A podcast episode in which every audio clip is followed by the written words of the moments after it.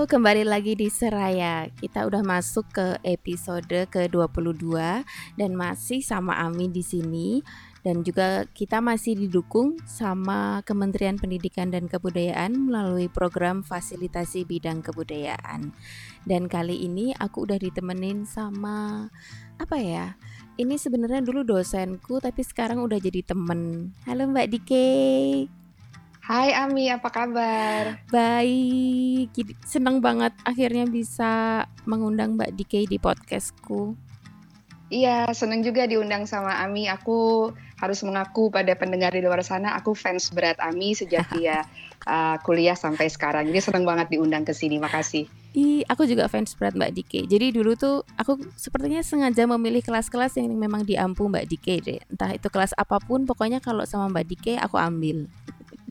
Ya, dan menyesal mengambilnya. Oke, jadi uh, kita langsung aja mungkin mau ngomongin tentang apa sih topik yang akan kita bahas sama Mbak Dike.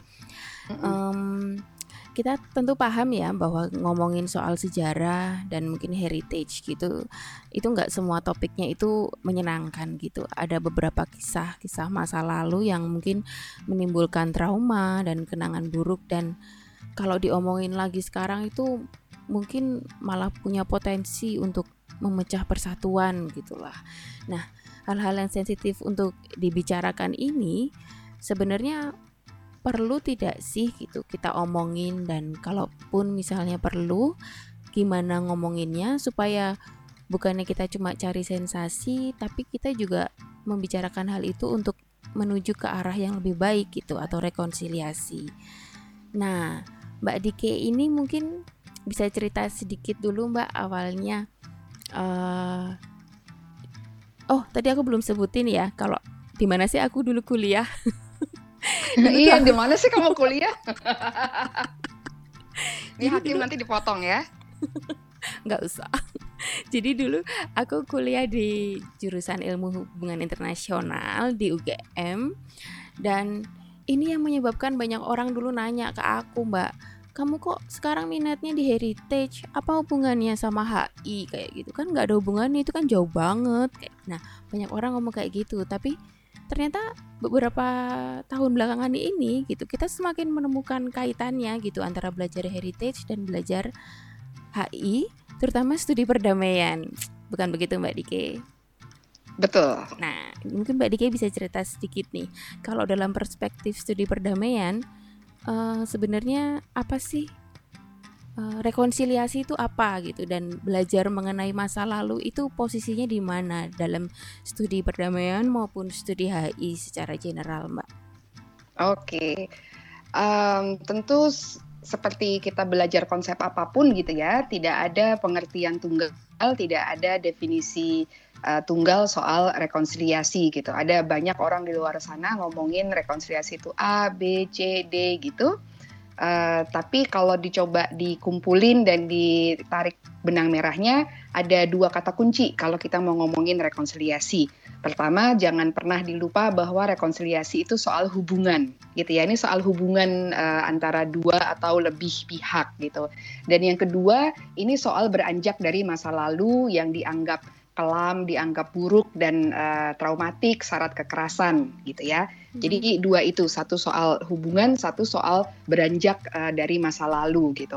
Nah kadang-kadang rekonsiliasi itu dipandang orang ini sekedar menutup mata atau menutup pintu gitu ya dari masa lalu. Kita kita move on dan melupakan uh, semuanya gitu. Nah ini yang ini yang kemudian bikin beberapa orang merasa bahwa rekonsiliasi itu buruk karena kayaknya kita menutup mata tuh terhadap uh, kesalahan masa lalu oh. dan segala oh. macam gitu. Hmm.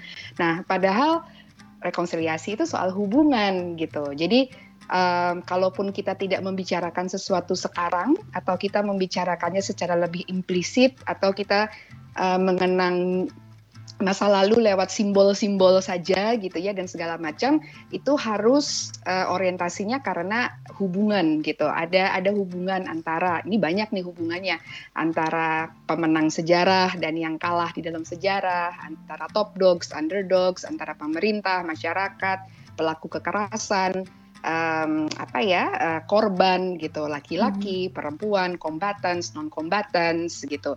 Dan tentu saja um, kategorinya tidak biner. Ada yang di ada yang di tengah-tengah ya gitu. Ada uh, meskipun saya dari kelompok kombatan tapi saya sendiri nggak pernah angkat senjata. Atau saya non kombatan uh, saya saya tidak angkat senjata tapi saya kasih makan dan saya uh, kasih donasi ke mereka yang membunuh kelompok lain. Jadi kategori itu sendiri um, sangat uh, messy gitu. Dan hmm. dan aku kira kalau kita uh, kalau kita ngomongin rekonsiliasi yang harus dipikirkan adalah bagaimana hubungan orang per orang ini kemudian bisa apa ya bisa menjadi lebih uh, baik dan mereka kemudian bisa um, bersama-sama maju gitu uh, melangkah bersama dari masa lalu yang kelam.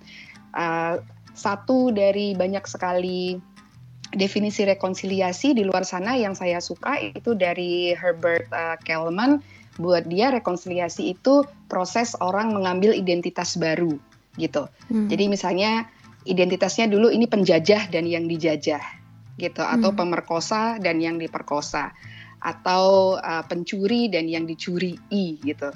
Um, uh, apa ya? Pembunuh uh, pelaku genosida dan uh, masyarakat korban genosida. Nah, itu kan identitas ya yang yang melekat ke orang uh, ke kelompok karena kekerasan masa lalu. Nah, gimana sih supaya orang-orang ini bisa mengambil identitas baru misalnya sebagai sesama warga gitu. Uh, di Ambon misalnya gimana sih supaya orang tidak melihat satu sama lain sebagai oh itu yang dulu bakar desa saya hmm. versus oh saya yang dibakar desanya. Tapi ini kita sama-sama warga gitu ya. Keluarga saya dulu yang di tahun 65 dihilangkan gitu. Uh, keluargamu itu yang di tahun 65 ikut meminggirkan orang lain. Nah, gimana kita sama-sama bisa maju dari identitas yang yang menyakitkan dan mengkotak-kotakan ini ke identitas yang baru gitu gitu sih iya mm -mm. Hmm, kalau iya. gimana gimana tapi memang sorry rasanya kayak hampir gimana ya kalau kita ngelihatnya dari sebagai awam gitu ya mbak ya rasanya kalau mm -mm. kita tidak terbayang berada di konflik itu kok kayaknya itu hal yang nearly impossible gitu loh memaafkan mm -mm. orang yang melakukan hal-hal tersebut ke kita gitu kan. Mm-hmm. Nah sebenarnya kalau fokus utama dari rekonsiliasi itu dulu per, uh, apa yang pertama harus dilakukan sih mbak? Memaafkan dulu, memahami mm-hmm. konteks permasalahannya dulu, atau apa sih yang bisa mendorong kita untuk menuju ke arah reconcile mm-hmm. itu? Mm-hmm. Nah lagi-lagi nggak ada jawaban uh, tunggal Ami. Jadi mm-hmm di sini di sini pertanyaan Ami soal kenapa sih ini penting dalam yeah. uh, studi HI gitu hmm. ya itu jadi jadi muncul gitu. Yeah. Uh, pertama karena banyak kekerasan yang terjadi di level lokal itu uh, terjadi karena hal-hal yang terjadi di level global ada okay. perang dingin gitu ya misalnya ada perang dingin antara Amerika Serikat dan Uni Soviet mm-hmm. maka ada sebagian dunia yang misalnya menjadi anti komunis dan menjadi pro komunis dan segala macam nah itu masuk juga kan ke ke banyak negara di Amerika Latin misalnya kemudian ada iya. kudeta yeah. ada pembunuhan massal di Indonesia tahu sendirilah ada apa tapi yang ingin saya katakan uh, satu kejadian yang lokal itu sering kali pangkalnya uh, adalah kejadian di level internasional, tapi juga dua, kita bisa saling belajar pengalaman satu sama lain gitu. Di beberapa negara pintu masuk rekonsiliasi adalah uh, minta maaf gitu. Jadi hmm. uh, kalau orang sudah saling memaafkan dan memaafkan itu bentuknya macam-macam ya, sampai uh, sampai misalnya ada yang bersedia memberikan uh, amnesti gitu. Hmm. Um, ada juga yang pintu masuknya adalah kebenaran. Jadi kalau Afrika Selatan misalnya setelah politik apartheid selama beberapa dekade itu mereka bikin Truth and Reconciliation Commission gitu. Selama kurun waktu tertentu orang boleh datang ke komisi itu dan cerita saya kemarin uh, ikut menghilangkan paksa si X gitu. Saya melakukannya karena saya disuruh, saya melakukannya karena terpaksa. Kalau saya nggak begitu, nanti keluarga saya yang diancam. Jadi orang bisa bisa datang untuk menceritakan uh, versi mereka sebagai korban maupun pelaku dengan jaminan amnesti. Kalau kamu mengaku ke sini, maka kamu akan dimaafkan. Tapi kalau sampai kurun waktu itu kamu tidak mengaku, mm-hmm. terus uh, bukti-bukti yang terkumpul itu kan bisa dipakai ya oleh uh, yeah. oleh polisi, oleh penegak hukum dan segala macam untuk nangkepin kamu, ya tiada ampun bagimu. Nah itu dia pintu masuknya kebenaran kemudian amnesti. Di tempat lain uh, pintu masuknya lain lagi. Kalau di uh, Ambon saya kira pintu masuknya awalnya bukan karena kawan kawan-kawan Kristen dan Muslim gitu uh, sepakat untuk saling memaafkan duluan gitu. Tapi uh, kalau datang ke sana uh, kita dengar banyak banget keinginan orang untuk pengen hidup normal. Saya cuma pengen hidupnya normal lagi gitu. Dan ketika mereka membayangkan hidup normal lagi itu ya artinya hidup yang tidak tersegregasi Muslim dan Kristen gitu. Karena sektor apa pun pasti uh, kaitan Muslim dan Kristennya kenceng gitu ya. Misalnya barang-barang yeah. pasar itu kayak ikan, uh, sayur dan segala macam itu ada di desa-desa Muslim. Barang toko seperti gula, susu formula dan segala macam ada di desa-desa Kristen. Mau nggak mau untuk hidup yang normal mereka harus uh, bekerja sama gitu. Kemudian apa namanya angkot juga nggak bisa kan kita punya angkot yang trayeknya hanya daerah Muslim dan satu lagi trayeknya hanya daerah Kristen mau nggak mau kalau mau normal ya uh, transportasi umum itu harus bisa melintas desa Muslim dan Kristen. Nah kesadaran bahwa normal itu hanya bisa diwujudkan um, kalau kita kita kerja bareng dulu nih ini kita kita koeksistensi damai dulu nih gitu. Saya saya belum bisa maafin kamu, tapi saya butuh kamu untuk uh, kita saling bisa normal lagi. Jadi uh, apa ya upaya untuk menghadirkan hidup normal ya atau yang dianggap normal atau kembali seperti masa lalu itu menjadi apa ya menjadi motor bagi teman-teman di uh, Ambon di Maluku untuk kemudian dari situ bisa saling mendengar versinya kemudian oh ternyata kamu nggak salah ya ternyata provokator ya yang men yang memecah belah kita dan sebagainya. Tentu ini sangat menyederhanakan cerita ya, tapi menjawab Ami tadi nggak ada satu pintu gitu, hmm. nggak ada satu pintu buat rekonsiliasi. Ada yang pakai pintu kebenaran dulu, ada yang pakai pintu keadilan dulu, ada yang pakai pintu pemaafan dulu, dan ada yang pakai pintu apa tadi namanya um, um, istilahnya peaceful coexistence, koeksistensi damai. Ya udah kita kita berhenti melakukan kekerasan satu sama lain dulu, kita uh, saling bekerja sama dulu, terus uh, yang lain-lain bisa menyusul. Jadi paling nggak ada empat pintu itu kalau menurut uh, Lederah. Oke. Okay. Dan apakah itu bisa muncul sendiri mbak dari masyarakat yang terlibat konflik konflik itu atau memang butuh seorang mediator atau orang dari luar yang untuk memberi apa ya semacam gagasan lah bahwa kalian bisa menempuh jalan ini ini ini gitu. Kalau aku kira yang ideal adalah yang datang dari masyarakatnya sendiri ya. Mm-hmm. Um, dan menurutku kebanyakan cerita sukses itu justru ada ketika masyarakatnya sendiri yang yang yang punya inisiatif.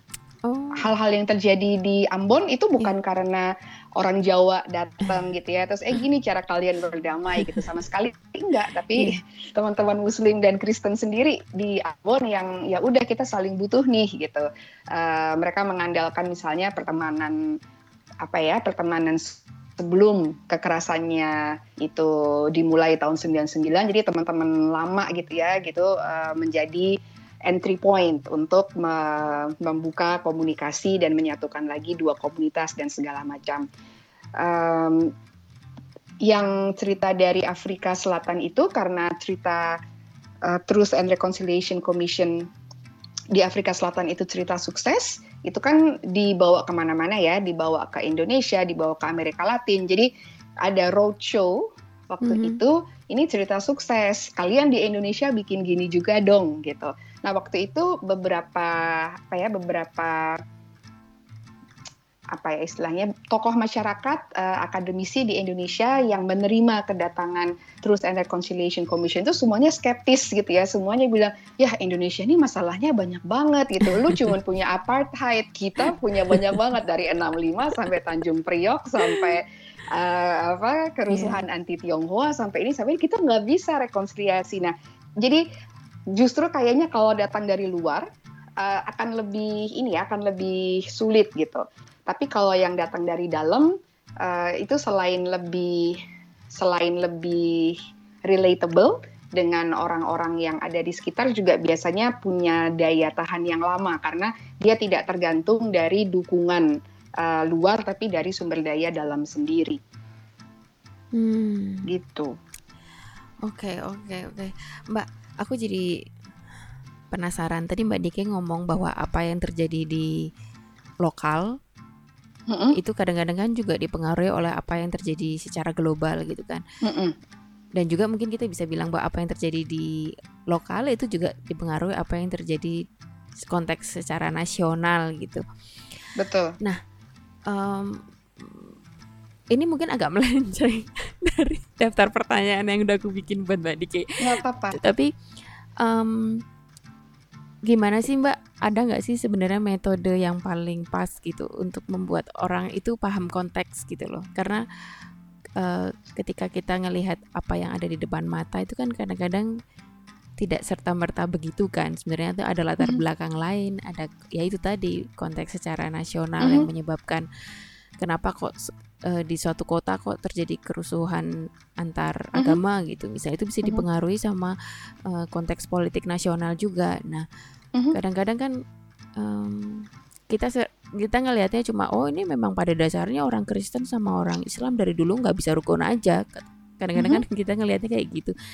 itu gimana ya mbak cara kita untuk apa ya menimbulkan kesadaran akan mm-hmm. konteks yang lebih luas itu mm-hmm.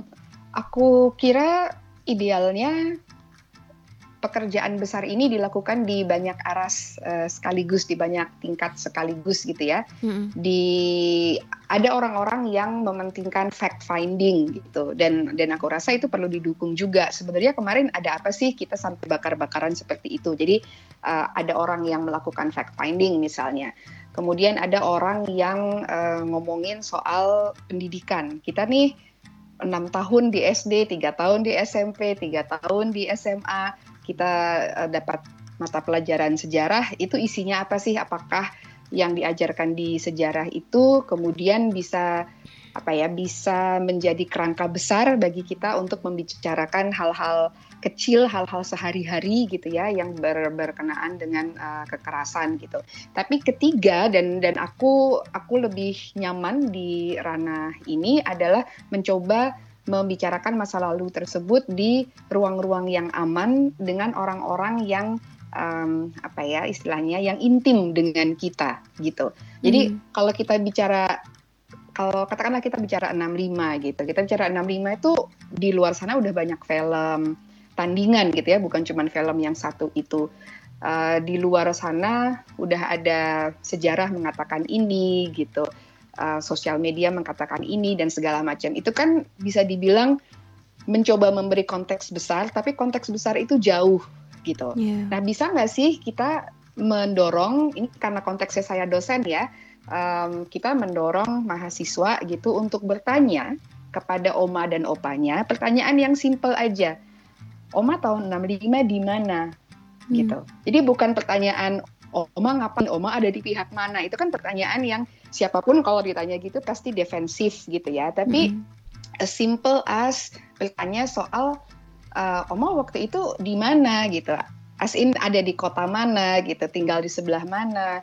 Uh, kotanya waktu itu kayak apa? Ada kejadian penting apa? Jadi ini kita memfasilitasi uh, orang-orang uh, untuk membicarakan masa lalu dengan apa ya dengan dengan orang yang dia udah merasa aman gitu. Hmm. Uh, si oma dan si opa ini mungkin menanggung banyak sekali memori masa lalu gitu ya. Dia kehilangan teman, misalnya temannya ada yang hilang gitu. Dia kehilangan uh, pendidikan karena kejadian itu tiga tahun sekolahnya tutup misalnya atau uh, guru-gurunya diciduk sehingga dia nggak bisa sekolah lagi dia terpaksa bekerja dia yang masih pengen sekolah eh harus bekerja pasti ada banyak implikasi dari kejadian tersebut gitu ya ke kehidupan sehari-hari kita nah menurutku ada baiknya cara-cara bercerita di lingkaran-lingkaran yang aman ini dicoba gitu uh, di apa namanya di bekas Yugoslavia ada namanya The Listening Project. Ini orang-orang uh, Serbia dan orang-orang Kroasia yang um, yang konon katanya tingkat prasangka, tingkat ketidaksukaan antara mereka itu begitu tingginya, lebih tinggi daripada yang diasumsikan orang prasangka Muslim dan Kristen, pribumi dan Tionghoa di Indonesia ini keras banget gitu. Hmm. Uh, apa namanya ketidakcocokannya mereka membuat listening project gitu, uh, mengumpulkan um, cerita satu sama lain, saling mendengarkan gitu, saling mendengarkan omanya, opanya, dan dari dimulai dari lingkaran yang aman, kemudian menjadi lingkaran yang lintas.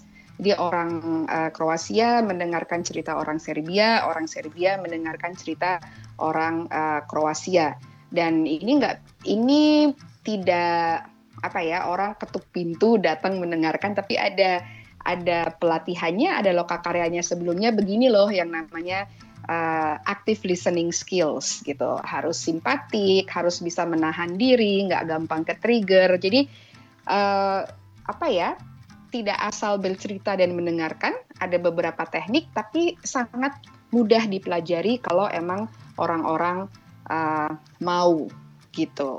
Satu lagi mungkin ini uh, kami di sini sedang mencoba mendorong orang belajar sejarah dari tour gitu. Hmm. Tidak banyak uh, tidak banyak orang yang tahu di Jogja yang sekarang jadi Bank Mandiri atau ada gedung kosong di depan Pasar Keranggan, uh, gedung Jefferson gitu hmm. atau juga Benteng Frederberg itu dulu tempat uh, menahan dan menginterogasi eh, orang-orang uh, yang diduga terlibat dengan uh, kejadian 1965 mm-hmm. gitu ya. Kita lewat gedung itu lewat gedung itu biasa aja gitu. Mm-hmm. Uh, tapi ternyata ada tetangga kita, ada orang-orang di sekitar kita yang dia di situ pernah ditahan berhari-hari gitu. Dia pernah uh, berdiri di pasar Keranggan berhari-hari menunggu kabar suaminya yang sedang diinterogasi di dalam gedung Jefferson. Dia pernah bersama 20 orang lain di uh, ruangan yang sempit gitu ya, harus berjejal di Benteng Frederburg karena sedang menunggu dia mau dipindahkan ke uh, ke penjara di mana gitu di Semarang kah di Ambarawa kah atau di mana. Jadi kita kan nggak tahu cerita itu kita cuma tahu Benteng Frederburg tuh oke okay buat prewedding uh, apa photograph sessions gitu ya kita cuma tahu bahwa oh itu bank tempat saya nyimpan uang dan segala yeah. macam oh, oh jadi membawa membawa uh, mahasiswa, warga Jogja dan segala macam menyusuri kota sembari ada orang yang bercerita dulu di sana ada ini, dulu di sana ada itu. Aku kira itu cara yang lebih apa ya, lebih smooth gitu untuk membicarakan masa lalu alih-alih uh, langsung membenturkan gitu narasi negara dan narasi korban. Wow. Iya. Jadi ini memang yang barusan Mbak Dike ceritakan ini semakin kayak um, apa ya uh, buat aku sendiri secara pribadi jadi memang uh, belajar sejarah itu memang uh, bisa macam-macam gitu kan ya Mbak ya caranya. Dan juga termasuk uh, cara kita untuk mempelajari masa lalu yang sensitif itu nggak harus dengan melulu apa ya dengan cara yang sangat uh, kita menentang banget nih narasi besar nasional gitu. Kita maunya pakai narasi kita sendiri gitu. Tapi memang aku pikir uh, kedua hal tersebut bisa saling melengkapi atau uh, gimana Mbak posisinya menurut Mbak Diki? Apakah ini harus di maksudnya dunia pendidikan kita harus semakin terbuka untuk mengakomodasi cerita-cerita atau metode-metode yang seperti ini atau mungkin ini memang dilakukannya saat ini bisanya masih secara informal aja gitu maksudnya di kalangan komunitas atau gerakan-gerakan yang independen um, gimana ya sebenarnya kalau mau ngelihat spektrumnya gitu mm-hmm. kita bisa lihat di satu sisi ada negara seperti Jerman mm-hmm. gitu ya yang dengan apa dengan sadar berusaha memberikan informasi kepada publik apa sih yang ada di masa lalu gitu. Yeah. Camp-camp tempat menyiksa orang, tempat menyiksa Yahudi dan segala macam itu sekarang menjadi quote unquote tempat wisata gitu. Tentu wisata tuh bukan wisata hore-hore tapi apa ya orang bisa datang ke situ ngelihat, yeah. oh di sel selnya ukurannya segitu ya. Wah ternyata tempat untuk memanggang mayat dan segala macam begitu ya. Oh ternyata begini begitu. Jadi uh, orang bahkan mem memiliki informasi secara detail bagaimana penyiksaan tersebut dilakukan secara sistematis. Jadi kita punya Jerman yang apa yang membuka segala sesuatu untuk generasi muda supaya mereka tahu uh, mereka tahu akibat gitu ya dan sebab dari kekerasan luar biasa ini supaya mereka tidak mengulangnya di mm-hmm. spektrum yang lain kita punya Jepang gitu. Saya tidak membaca buku sejarah mereka uh, satu dekade terakhir, tapi sampai beberapa dekade yang lalu buku sejarahnya itu meloncat dari uh, dinasti Tokugawa gitu tiba-tiba sampai ke restorasi Meiji.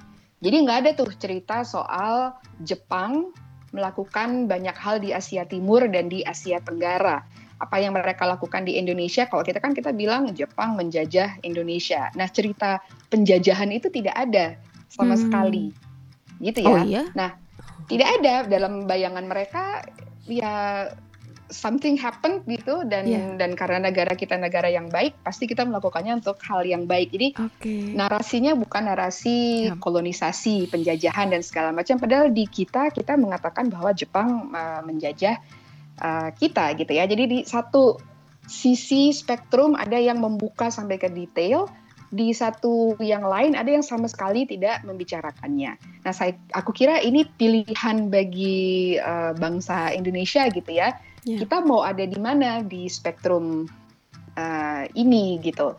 Dan dalam ya dalam bayanganku um, kita harus kita harus percaya sama kita harus percaya sama publik, kita harus percaya sama generasi muda, kita harus uh, percaya sama generasi yang akan datang gitu.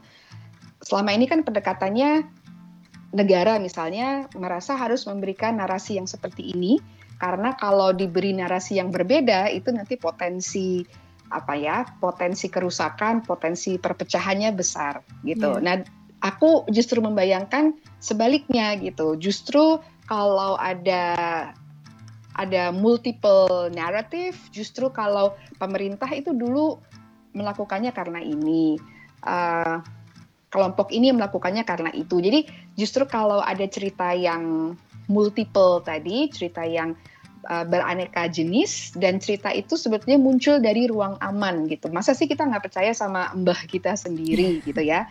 Uh, jadi ini bukan bukan narasi besar, oh mereka jahat dan segala, itu narasi yeah. narasi kecil gitu. Aku tuh dulu cuma pengen sekolah di situ, tapi karena gurunya dibilang begini-begini, aku jadi jadi kita ngumpulin cerita yang kecil-kecil itu uh, banyak dan prinsipnya adalah kita tidak saling mengingkari gitu. Nah kalau semua ada di sana, aku kok percaya ya uh, publik gitu, apalagi generasi yang yang sekarang dan generasi yang nanti itu semakin punya keterampilan yang oke okay buat memilah-milah um, buat memilah-milah informasi mana yang berguna untuk mereka, mana yang tidak berguna untuk uh, mereka dan juga merangkai. Bukan cuman oke okay dalam memilah tapi utamanya oke okay dalam merangkai gitu. Kayaknya generasi saya ke atas membayangkan informasi itu kalau terlalu berbeda ya pasti cuma salah satu yang benar.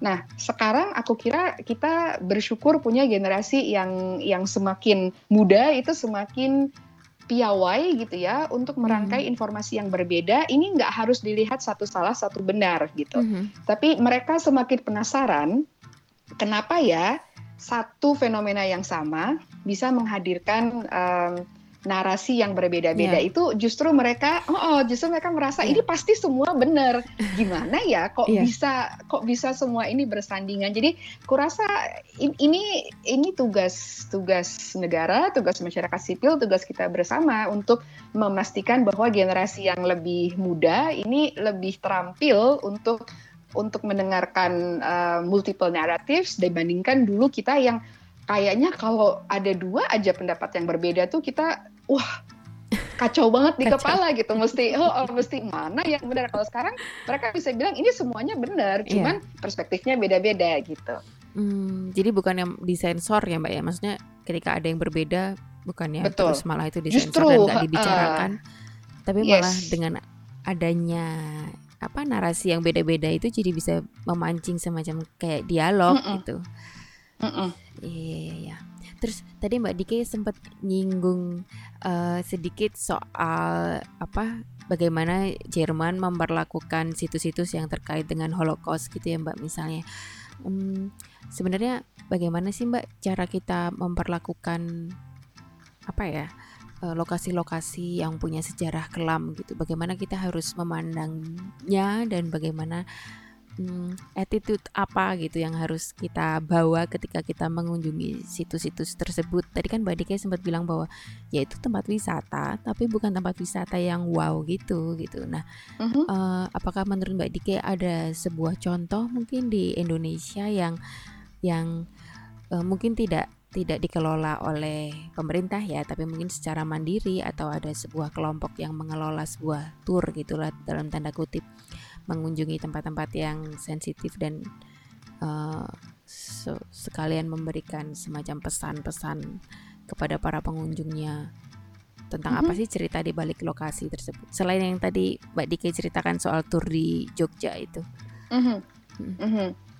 um, aku kira aku kira cara dan bentuknya bisa bermacam-macam ya. Kira ada beberapa situs yang ya udah itu memang situs memorialisasi gitu kekerasan tertentu. Hmm. Jadi misalnya um, yang di Semarang itu apa Ami? Yang makam yang ditemukan itu apa ya namanya ya? Kemarin abis ke sana bareng-bareng abis itu aku lupa. Iya, aku nggak ikut ke sana. Oh, kamu nggak ikut ke sana ya? Kayak di tengah hutan itu kan ya Mbak ya? Yes, itu. Iya. Uh -uh. Nah, tiba-tiba lupa namanya. Iya. Tapi um, waktu itu kan waktu itu kan ada ini ya ada ada temuan gitu di situ uh, tempat beberapa um, beberapa warga sepuh kita yang sekarang hmm. sudah sepuh waktu itu mungkin belum gitu ya uh, di dikuburkan gitu ya di di peristiwa 65 uh, 66 dan seterusnya itu gitu. Mbak nah, aku ingat saya di Plumbon. Plumbon. Ya, nah, terima kasih. Um, nah, lanjut Mbak. Ada ada makam Plumbon gitu hmm. di di seputaran Semarang. Um, yang menarik dari cerita Plumbon itu sebenarnya adalah bagaimana anak-anak muda, bagaimana teman-teman komunitas sejarah kemudian menggandeng pemerintah secara resmi sehingga sehingga tempat itu bisa menjadi situs resmi untuk mengenang mereka yang um, hilang atau dibunuh gitu ya di tahun uh, 65-an gitu.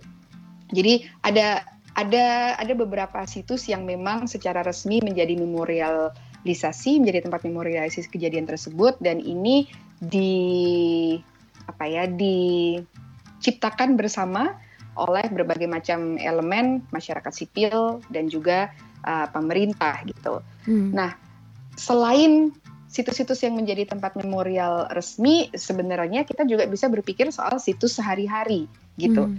Nggak perlu ada apa-apa di situ, tapi orang tahu gitu ya. Misalnya nih, aku ingat teman-teman Komnas Perempuan pernah bikin beberapa tour di Jakarta. Jadi mereka uh, jalan di beberapa rute dan rute itu adalah rute di mana uh, banyak perempuan Tionghoa waktu itu menerima aneka kekerasan dari kekerasan uh, seksual sampai juga uh, dibunuh dan segala macam gitu. Tempatnya, jalan-jalannya tidak perlu diubah gitu ya menjadi uh, museum, tidak perlu diubah menjadi macam-macam, tapi cerita apa yang ada di situ uh, harusnya sih tetap hidup ya, harusnya tetap hidup, tetap dikenang supaya ketika orang lewat di situ mereka merasa bahwa um, saya juga pejalan kaki di sini. This could happen to me one day, gitu ya. Hmm. Aku rasa situs-situs itu uh, dua tadi ya, satu bisa secara formal dijadikan tempat memorialisasi, dua ya dia dibiarkan menjadi situs sehari-hari. Ada bank di situ, ada yeah. tukang parkir di situ, ada um, pedagang kaki lima di situ, ada macam-macam di situ. Tapi dengan kesadaran bahwa di situ dulu ada um, ada apa gitu. Menjawab pertanyaanmu nggak Mi? Iya iya menjawab. Uh, karena tapi um, sebenarnya ini malah aku jadi mau cerita. nggak apa-apa. Ayo aku dengarkan. Karena kalau di level apa ya UNESCO sendiri ya uh, banyak kan mbak juga situs-situs yang kemudian jadi World Heritage. Mm tapi belakangan jadi kontroversial karena terus orang jadi mulai membicarakan. Kayak misalnya penjaranya si siapa? Nelson Mandela hmm itu kan uh, ditetapkan jadi World Heritage dan orang dan orang kayak semacam ini maksudnya apa? Gitu. Kamu mau menetapkan penjara ini jadi situs warisan dunia. Kamu mau jadi message-nya itu semacam jadi nggak jelas gitu loh mbak. Apa yang mau disampaikan? Kamu mau mm-hmm. melanggengkan kekerasan? Atau kamu mau menyampaikan sesuatu mm-hmm. hal yang baik? Atau apa? Gitu. Mm-hmm. jadi mm-hmm uh, mm-hmm. terkadang kan ada juga orang yang bilang ya udahlah kalau kayak yang di Auschwitz gitu itu nggak usah mm-hmm. jadi World Heritage karena nanti orang malah jadi semacam kayak merayakan masa lalu yang kelam gitu loh. Mm-hmm. Nah itu juga yang sampai sekarang sih aku pikir masih uh, ya beberapa situs itu kemudian oleh UNESCO disebut sebagai situs-situs untuk mengenang sesuatu yang memang tidak diharapkan akan terjadi lagi gitu di masa uh -huh. depan jadi kayak jadi semacam reminder gitu uh -huh.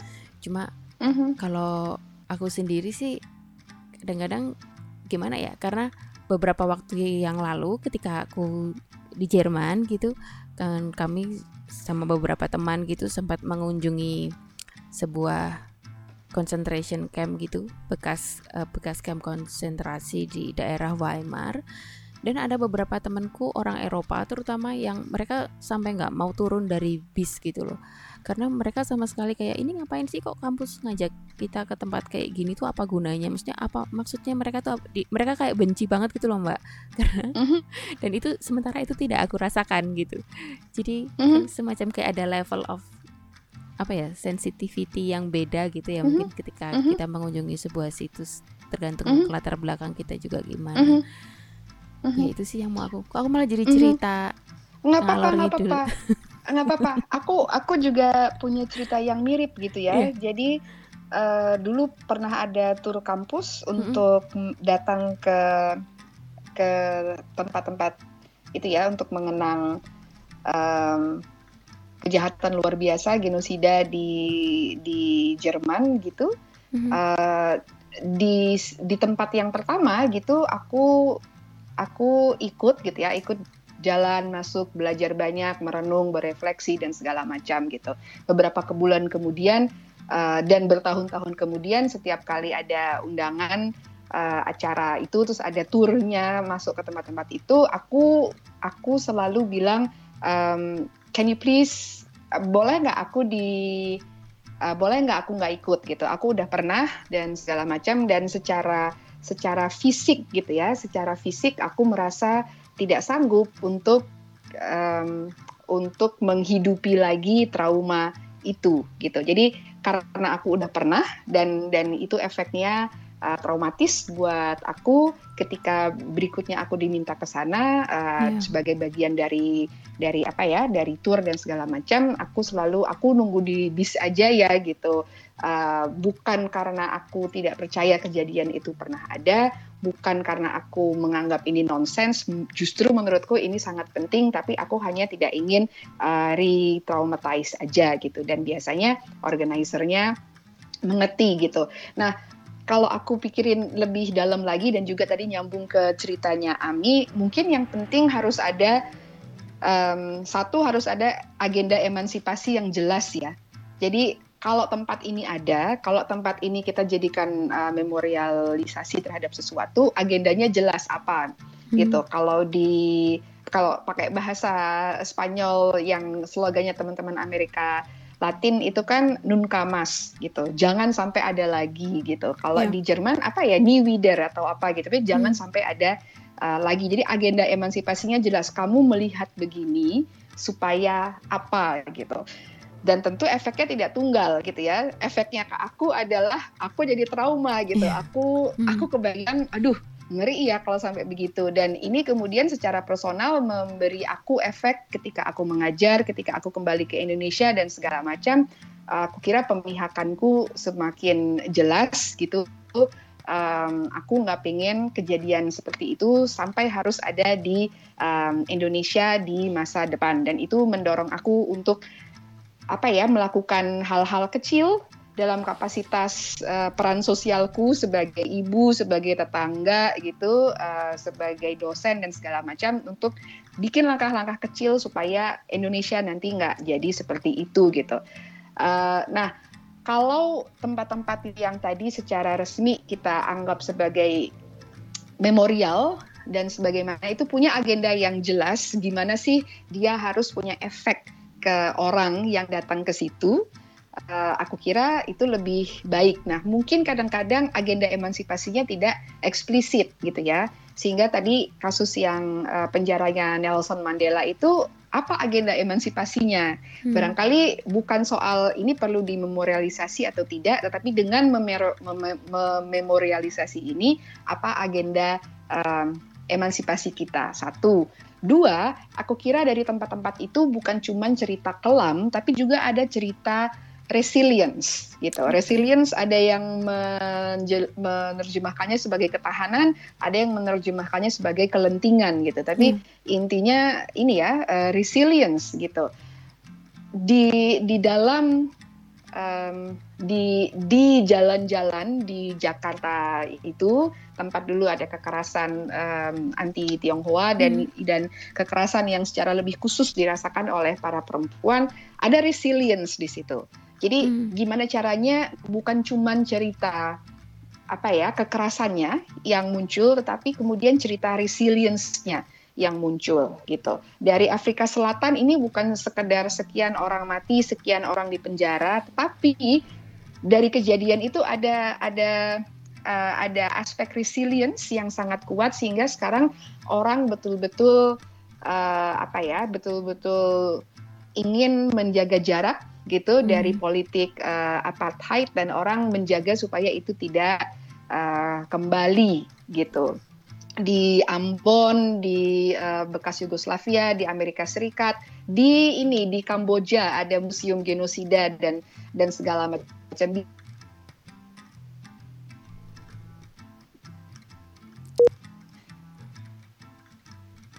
Halo.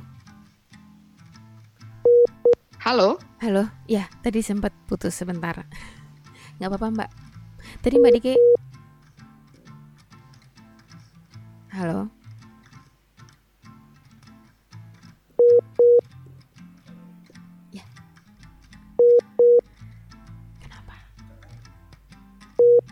Sananya kali. Kalau sekarang dengar nggak Ami? Dengar. Tadi okay, sempat tutut-tutut gitu. Oh, oke. Okay.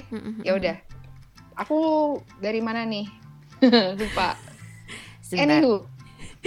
Tadi Mbak Dika ngomong museum genosida di mana Kamboja? Oh, itu ya. masih kedengaran. Masih okay. kedengaran. Oke, okay, jadi dari masih situ. kedengaran.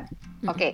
Uh, eh, ada ada banyak ada banyak tempat gitu ya. Bisa nggak ya tempat-tempat itu me, bisa nggak ya tempat-tempat itu menggarisbawahi cerita resilience lebih kuat daripada cerita penderitaan gitu hmm. atau bahkan cerita resilience itu yang membingkai hmm. uh, cerita soal ininya soal apa namanya penderitaannya gitu jadi uh, kalau yang dibingkai itu hanya penderitaannya tentu orang datang ke sana yang yang muncul hanya rasa trauma saja gitu ya. Tapi yeah. kita kan pengen orang datang ke situ selain trauma gitu hmm. ya, dia punya semangat emansipasi. Nah, itunya mungkin yang harus di digarisbawahi oleh uh, manajer museumnya atau kuratornya atau uh, ya orang-orang yang yang punya keputusan soal bagaimana menata situs tersebut, bagaimana memajang hal-hal artefak-artefak di situs tersebut, bagaimana organize uh, tour di situ gitu ya. Apa agenda emansipasinya, apa bingkai resilience-nya. Oke. Ya ya ya, wah menarik banget Mbak Dika bener. Aku aku baru ke, kepikiran sekarang loh Mbak soal gimana sih kita membingkainya dan menyampaikannya itu nggak cuma untuk yang kejadian kelamnya aja. Karena aku jadi ingat kemarin abis nonton film Banda. Mbak Dika udah nonton belum? Yang soal sudah. Nah itu awal-awal kan aku ngerasa kayak ya ampun betapa kelamnya gitu ya.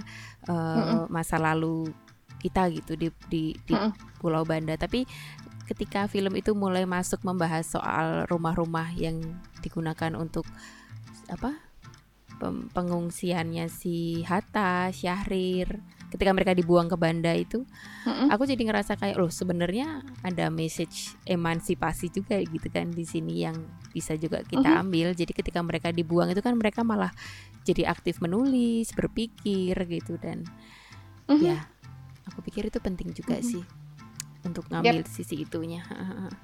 yep. Tugasmu sebagai kurator Ani. Oke, eh Mbak, aku mau nanya nih. Ini mungkin pertanyaan yang menjelang pertanyaan terakhir. Mbak Diki kan beberapa waktu yang lalu kan mendampingi uh, para penyintas dari apa uh, kejadian 65 eh, 65 ya Mbak ya, yang waktu itu Mbak Diki sempat ke Semarang juga.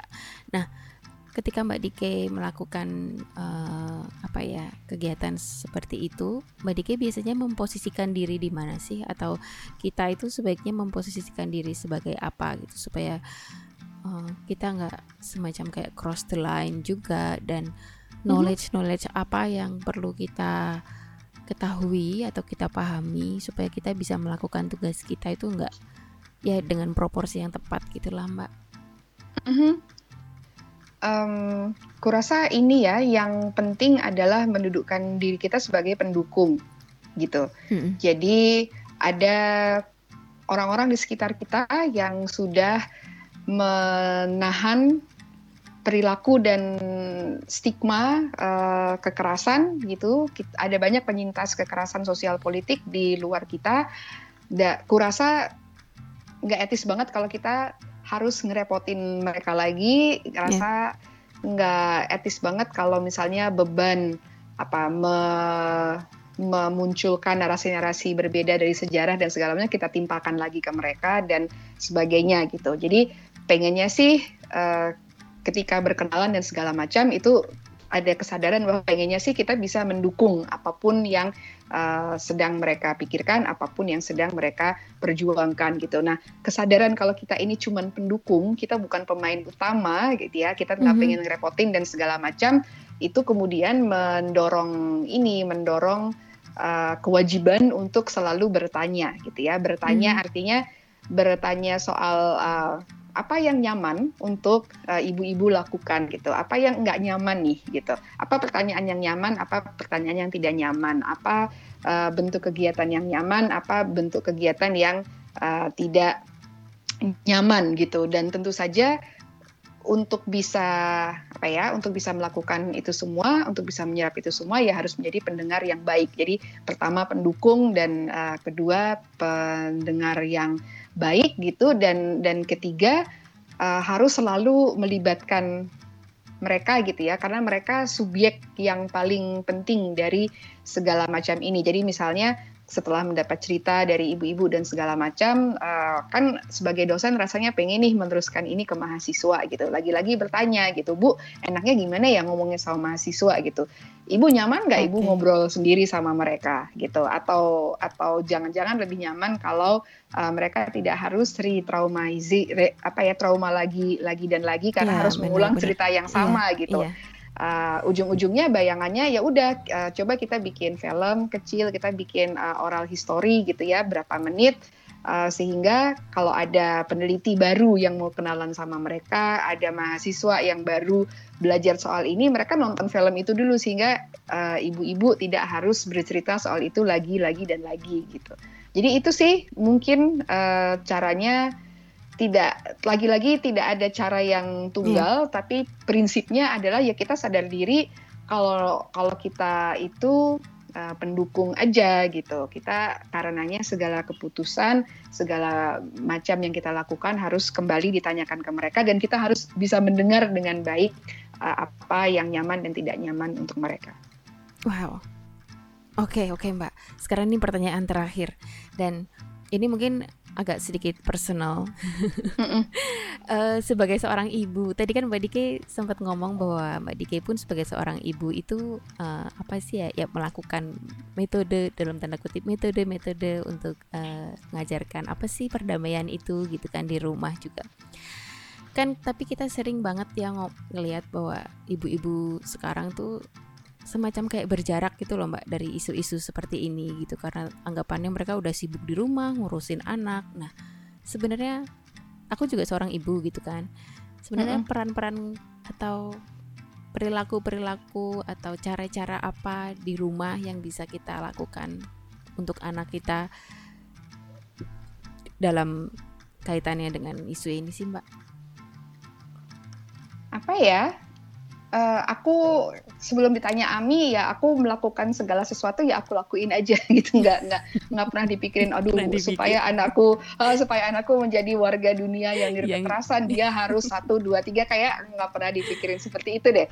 Tapi uh, intinya ini ya ada banyak ada banyak hal yang diserap hmm. oleh uh, anak-anak dalam pergaulannya sehari-hari gitu. Tiba-tiba okay. dia pulang dan pulang dari sekolah waktu itu masih ini ya, masih uh, secara fisik gitu bersekolah, tidak secara daring. Penjajahan itu apa gitu, yeah. ya kan? Yeah. Uh, terus waktu itu ada dia lihat di TV dan di segala macam ada hashtag Black Lives Matter. Kenapa oh. yang matter itu yang black?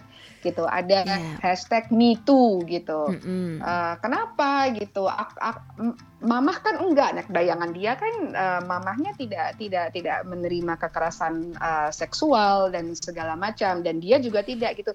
Uh, kan kita enggak gitu. Jadi kurasa apa ya sudah quote unquote fitrahnya anak-anak untuk selalu bertanya, bertanya. Uh, untuk selalu bertanya.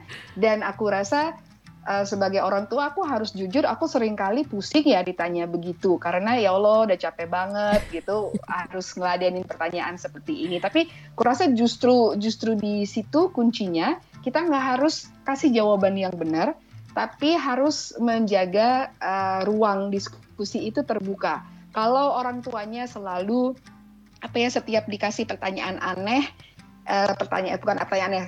Kalau orang tuanya setiap dikasih pertanyaan sulit hmm itu selalu uh, merasa capek gitu ya menghindar dengan alasan capek atau kamu terlalu kecil atau ini atau itu mereka akan sadar bahwa oke okay, uh, eh, orang tua bukan tempat yang aman bukan tempat yang efektif buat saya membicarakan uh, isu-isu yang quote unquote berat dengan dengan orang tua itu saya membahas soal uang jajan, soal siapa yang ngantar sekolah. Jadi akhirnya hubungan hmm. orang tua dan anak menjadi hubungan teknis uh, alih-alih hubungan ini ya hubungan yang yang lebih intim gitu yeah. Iya. uh, jangan ya jangan disalahkan kalau kemudian anak-anak uh, mencari tahu patriarki itu apa, kolonialisme itu apa dan segala macam lewat internet, lewat temannya dan segala macam nggak ada salahnya juga gitu. Mm -hmm. Tapi ruang aman, ruang paling intim untuk uh, membicarakan hal-hal sulit itu jangan sampai tertutup gitu. Kadang-kadang sih emang ini ya, kadang-kadang ya kita capek dan segala macam. Yang bisa kita lakukan adalah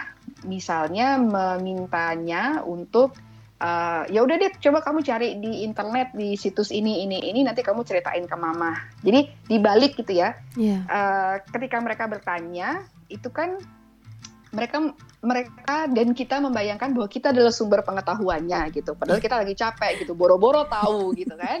Nah dibalik aja gitu. Oh, that's that's that's a good uh, question gitu. Yuk kita cari-cari okay. sama-sama. Uh, uh, coba deh kamu cek di situs ini ini ini ini. Terus report back to me. Jadi biarkan ruang itu terbuka. Itu aja sih. Aku nggak punya jawaban yang canggih hari ini karena kaget juga ditanya begitu kan. Tapi ya yeah. itu aja sih.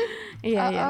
Iya mbak. Soalnya kadang-kadang aku ngerasa kayak kebanyakan ibu-ibu aku nggak tahu sih ya ini ini aku nggak menjudge semua ibu-ibu itu tidak peduli ya tapi kan kadang-kadang kan rasanya isu-isu seperti itu jauh banget gitu loh dari dibicarakan dari apa permasalahan ibu-ibu sehari-hari gitu yang di luar pengasuhan atau perawatan anak kayak gitu. Tapi kan ini sebenarnya penting banget ya karena Mbak Diki tadi kan bilang juga kalau ini kan ruang paling intim di mana diskusi itu bisa mulai tumbuh gitu loh.